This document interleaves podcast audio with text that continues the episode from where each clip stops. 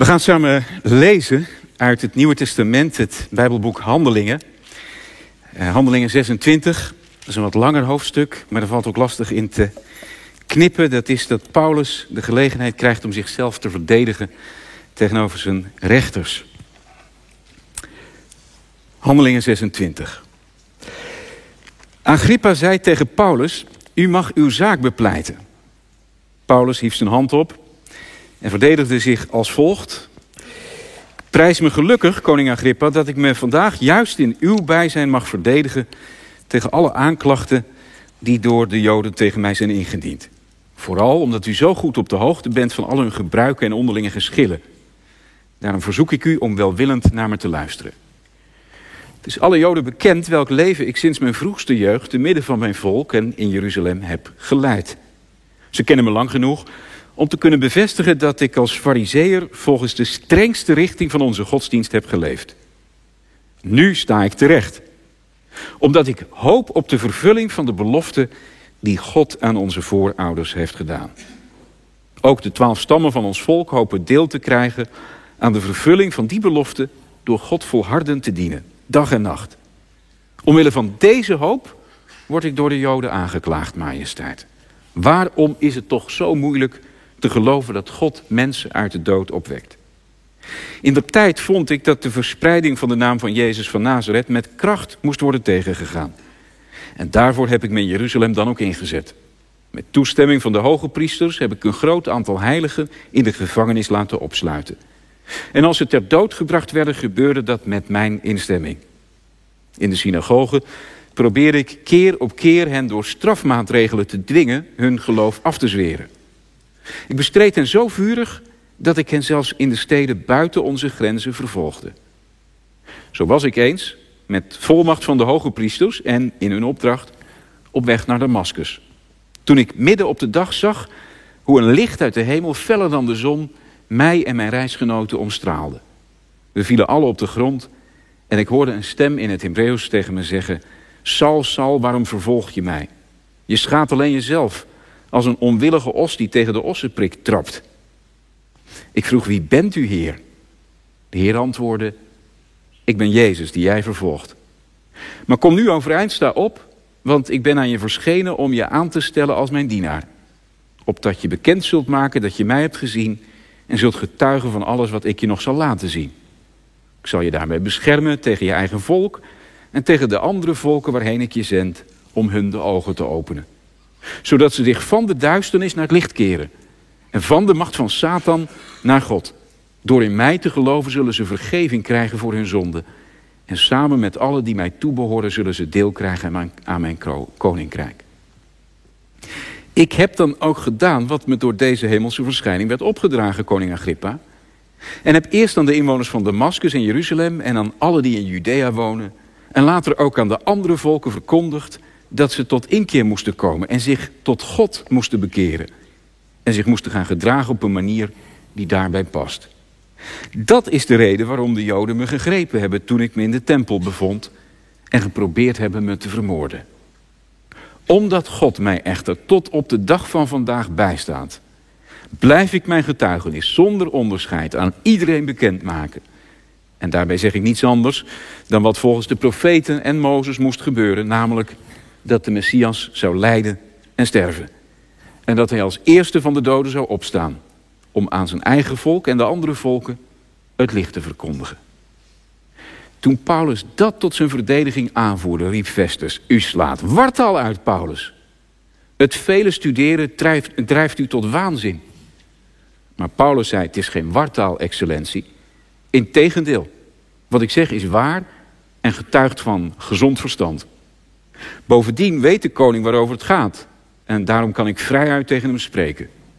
Ik denk niet dat iets hiervan hem is ontgaan. Het heeft zich immers niet in een uithoek afgespeeld. Koning Agrippa, gelooft u de profeten? Ik ben ervan overtuigd dat u dat doet. Agrippa zei tegen Paulus: Dadelijk krijgt u me nog zover dat ik me voor christen uitgeef. Paulus zei, of het nu dadelijk is of niet, ik zou tot God willen bidden dat niet alleen u, maar alle die nu naar mij luisteren net zo worden als ik. Afgezien dan van deze boeien. De koning stond op, evenals de procurator en Bernice en de anderen die de zitting hadden bijgewoond. Ze trokken zich terug en overlegden met elkaar. Deze man heeft niets gedaan dat met dood of gevangenschap wordt bestraft, zeiden ze. En Agrippa zei tegen Festus: Hij had al vrij kunnen zijn, als hij zich niet op de keizer had beroepen. Is er iets mis? Ja, nou, niet, maar we hebben wel even een BHV'er nodig. Om bij de kist te kunnen. Kijk, opgelost. Dank u wel.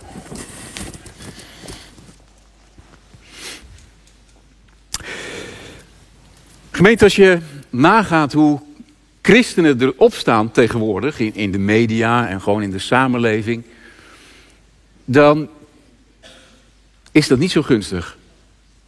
Veel mensen hebben toch het idee, ja, christenen, dat zijn een beetje achtergebleven types. En misschien zijn ze ook wel niet helemaal in contact met de werkelijkheid. Het is gewoon onzin. Dat hele verhaal, dat hele evangelie. Nou is dat al wat als dat van buiten naar je toe komt, maar dat kan ook maar zo van binnen zitten. Hè? Dat je denkt, gaat het wel ergens over? Is het allemaal geen complete onzin? Dat hele verhaal over Jezus en over de redding. Nou, die vraag die, die wordt op scherp gesteld door Festus, die tegen Paulus zegt: Het is allemaal wartaal.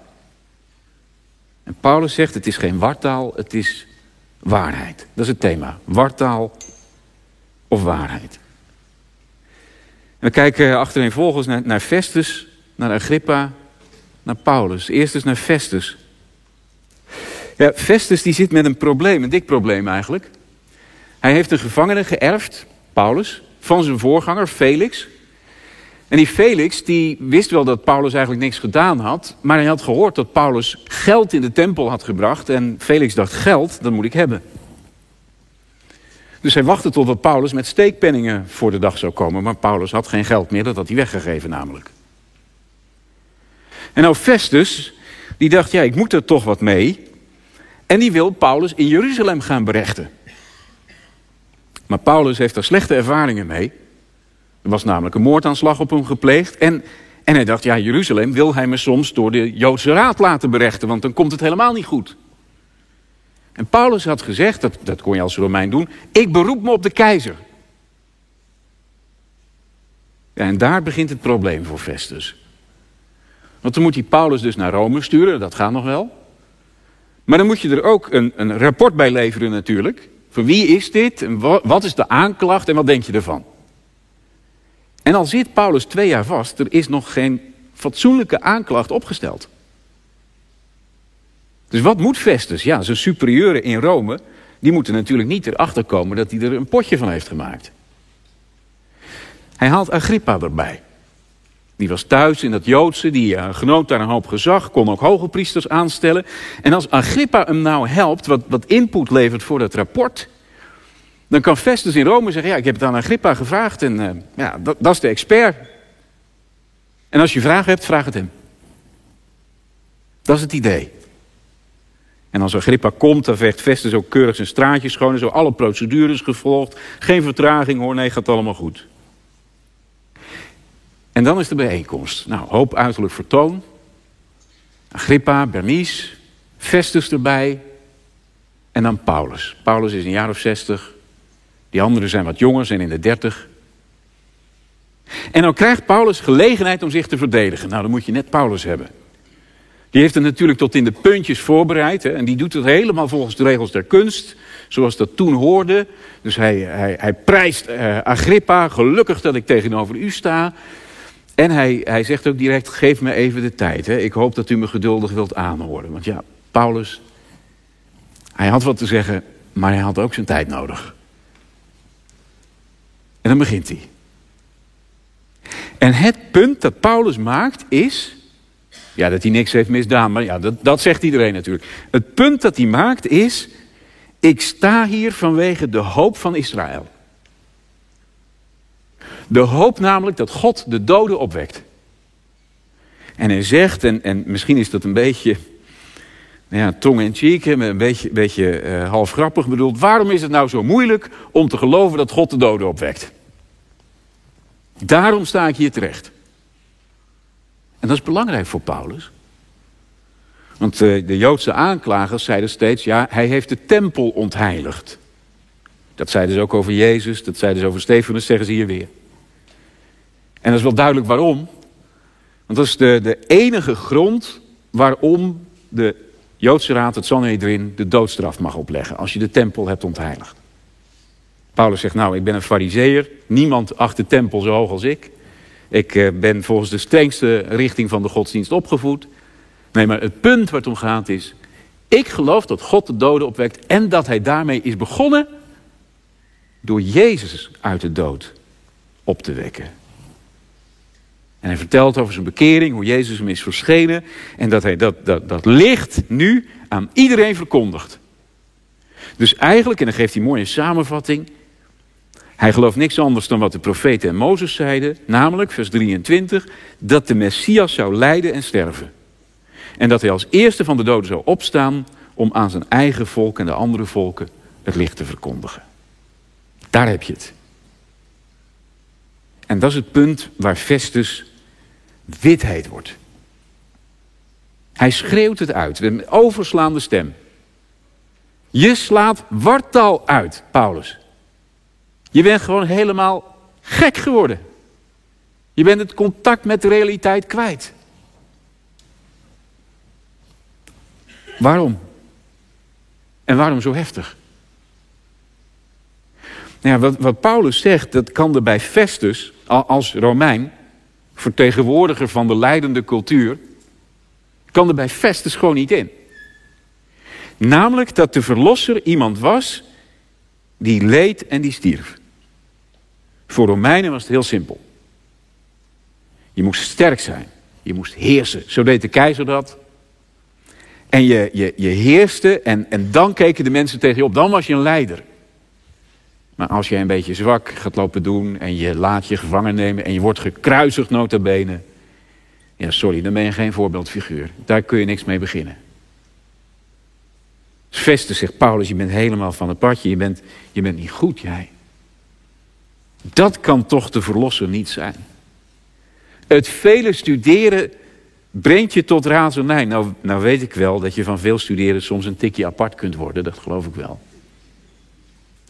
Maar eigenlijk, wat, wat Festus zegt, is die boeken, hè, die boeken waar hij het over heeft, Festus kent dat niet, maar die boeken zorgen dat je het contact kwijt bent met, met wat, wat echt is. Nou, dat kenden de Romeinen ook. Er waren heilige boeken en sommige mensen studeerden daar zo op dat ze in een soort trance raakten. En allerlei ervaringen hadden. En, en Festus denkt, ja, Paulus die, die heeft dat ook gehad, hè, dat visioen. Hij is gewoon het contact met de realiteit kwijt. En is dat eigenlijk ook niet hoe de huidige leidende cultuur tegen christenen aankijkt? Ja, apart.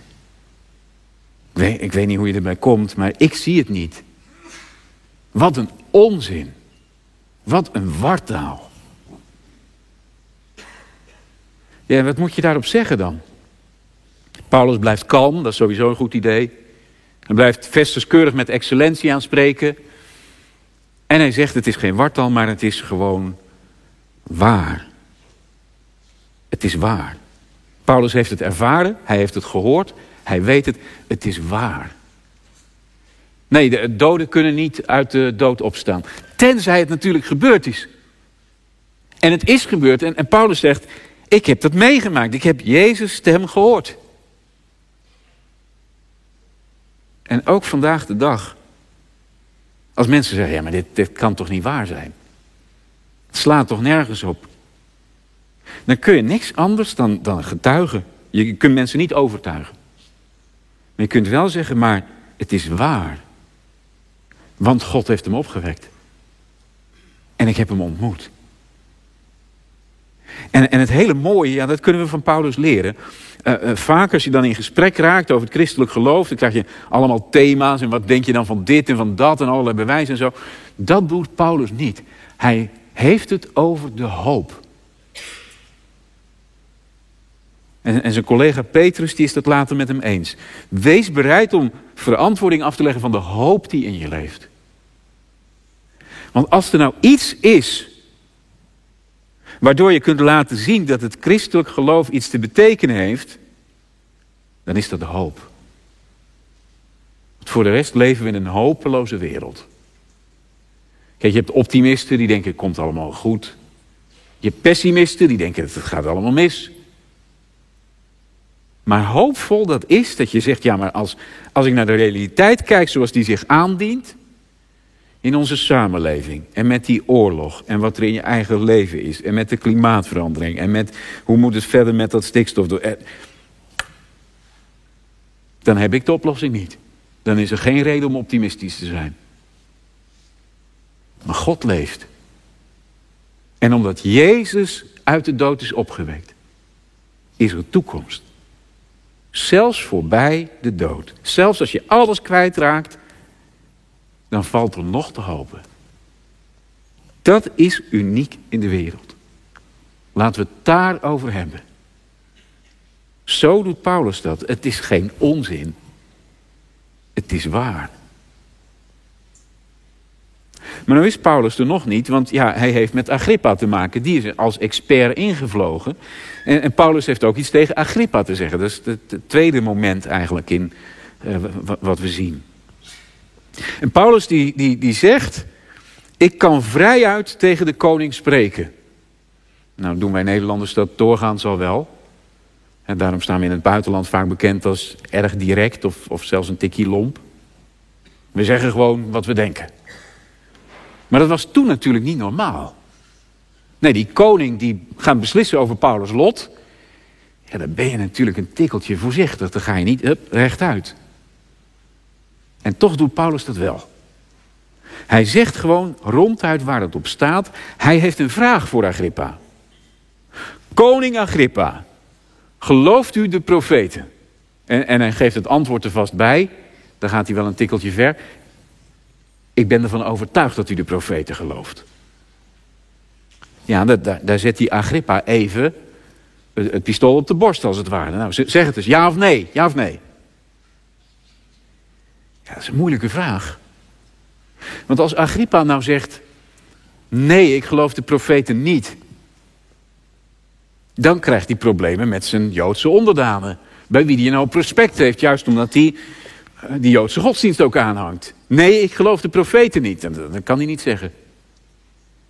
Maar als hij nou zegt, ja, ik geloof de profeten wel. Dan krijgt hij een discussie over hoe je die profeten moet lezen met Paulus. En dat ga je niet winnen. Dus ja, wat, wat, wat moet hij? Nou, hij, hij doet wat, wat machthebbers vaak doen als je ze een ja-nee vraag stelt. Hij, hij beweegt er een beetje omheen en hij beweegt er een beetje bij vandaan. Hij zegt, ja, straks moet ik me ook nog christen gaan noemen. Als hij ja zegt, dan, dan gaat Paulus proberen om zover te krijgen dat hij zich christen noemt. Ja, Agrippa die kent die godsdienst dus wel. Maar hij houdt uiteindelijk afstand. Eh, Festus wordt boos. En Agrippa doet dan ironie. Oh ja. Moet ik straks nog christen worden ook zeker? En hij gebruikt voor christen een beetje dat, dat negatieve woord dat er toen was. Zo'n Christusfiguur. En, en moet ik me zo gaan noemen zeker? Dat dacht je toch niet serieus, Paulus? Dadelijk zegt hij. Eh, eh, Paulus is net bezig met, met een preek, een toespraak. Hij heeft hem niet eens af, want Festus heeft hem in de reden gevallen. En Agrippa zegt, dan moet ik zeker na een halve preek moet ik me gaan bekeren. Dat is wel een tikje snel, Paulus. En zo houdt hij het op afstand. Ja, dat is een houding die je, denk ik, bij veel mensen die iets hebben met christelijk geloof wel tegen kunt komen. Ook bij ons misschien wel.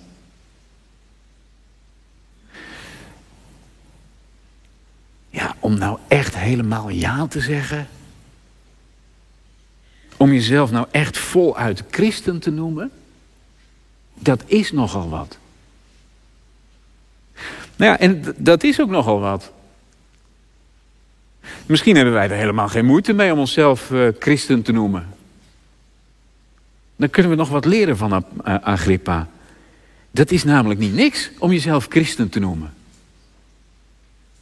Als je uh, wel eens wat leest van mensen die van buiten de kerk komend de, de, de weg vinden naar het geloof en, en naar God. Dan lees je daar, daar vaak hoe eng het is. Hoe eng het is om voor het eerst een kerk binnen te gaan. Hoe, hoe eng het is om te zeggen dat je gelooft. En het allerengste om te zeggen dat je een christen bent. Want dat is nogal wat.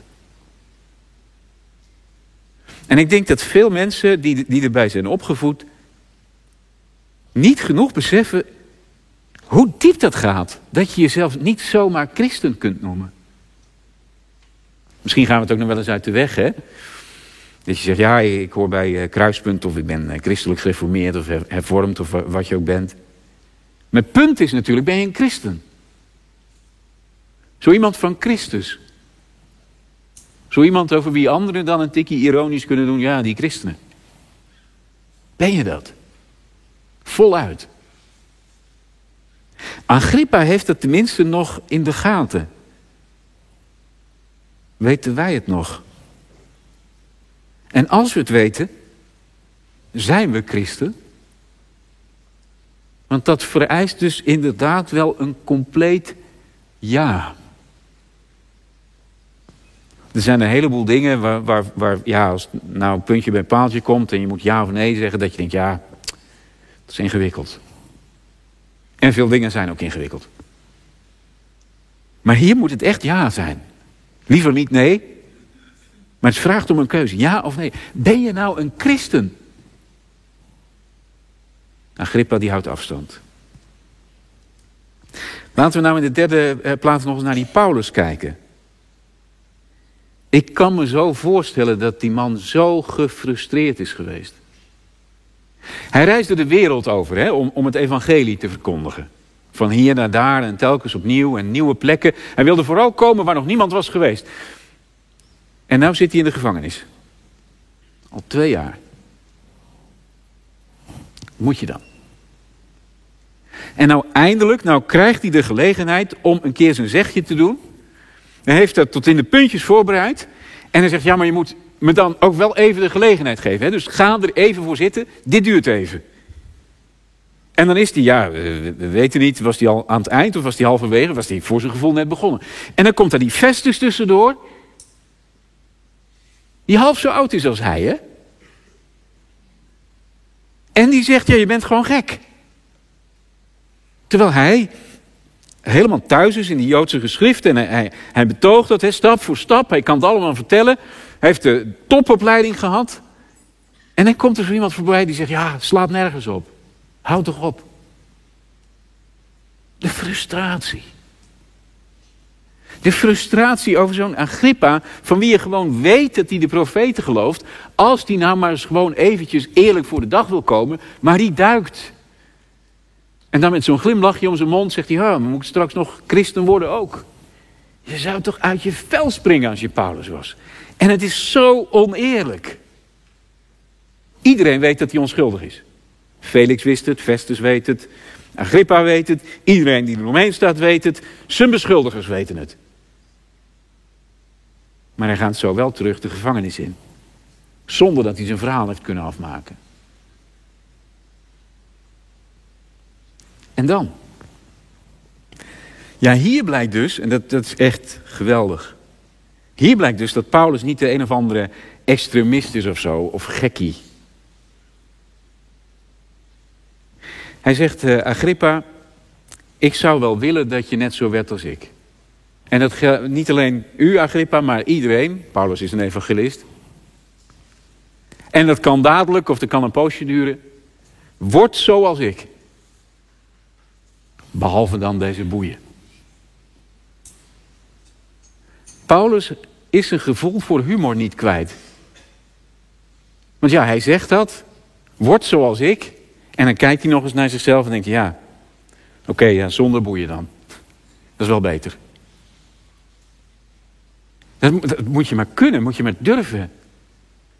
Voor, voorbij die frustratie zeggen, wees zo als ik. Is dat een geintje, Paulus? Nee, dat meent hij serieus. Waarom zou je willen zijn zoals Paulus? Omdat hij vrij is. Maar hij moet terug naar de gevangenis. Maar hij is van binnen vrij. Ja, echt. Want Jezus Christus heeft hem bevrijd. Hij heeft dat toch net verkondigd? Zelfs als je sterven moet, dan zorgt God nog voor je. Zelfs dan raak je alles kwijt. En, en Paulus, hij leeft daar ook bij. Dus dan heb je een, een koning en je hebt een procurator en je hebt een gevangene. En die gevangene is de enige die echt vrij is. En hij kan terug de gevangenis in. Hij spot met zichzelf. Wees zoals ik, behalve deze boeien. En de vraag is, kunnen wij als christenen dat ook? We nemen onszelf soms zo serieus, hè? Terwijl als je God voluit serieus neemt, ja, dan draait het dus niet om jou en, en niet om mij. En als je dan wel eens wat, wat spot trekt of zo, of mensen halen de schouders over je op, dan kijk je in de spiegel en denk je, ach ja. Maar wel zeggen, wees zoals ik. Niet, niet omdat ik zo bijzonder ben, zou Paulus zeggen. Maar vanwege dat geloof in Jezus Christus. Paulus heeft genoeg. Zelfs in de gevangenis. Hij is rijker dan Agrippa. Hij is vrijer dan Festus. Want hij is een christen. En Jezus Christus leeft. Dat is echt waar. En zo kan hij verder. Kunnen wij zo ook verder? Houden wij ons gevoel voor humor of worden we verbeten? Zit die zelfspot bij ons er nog in dat we onszelf niet al te serieus nemen omdat we God serieus nemen? En leven we van dit geheim van ja, het klinkt ook als een gek verhaal. Maar het is, God zij dank, helemaal waar. Jezus leeft en ik met Hem. Amen. Laten we samen bidden.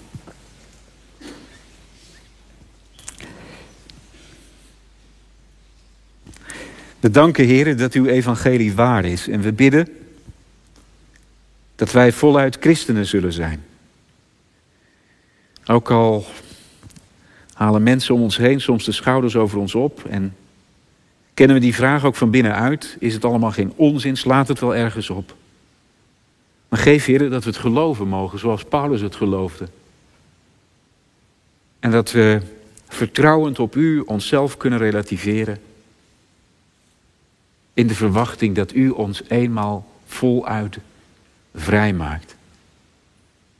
En dat we genoeg hebben aan U. U weet het ook als we twijfelen. Als wij voor die vraag staan, wil ik nou een christen heten of niet? Geef dat we voor die vraag niet wegduiken. Ook niet half-half erop een antwoord geven, maar dat we voluit ja zeggen. Door de kracht van uw geest, door uw genade.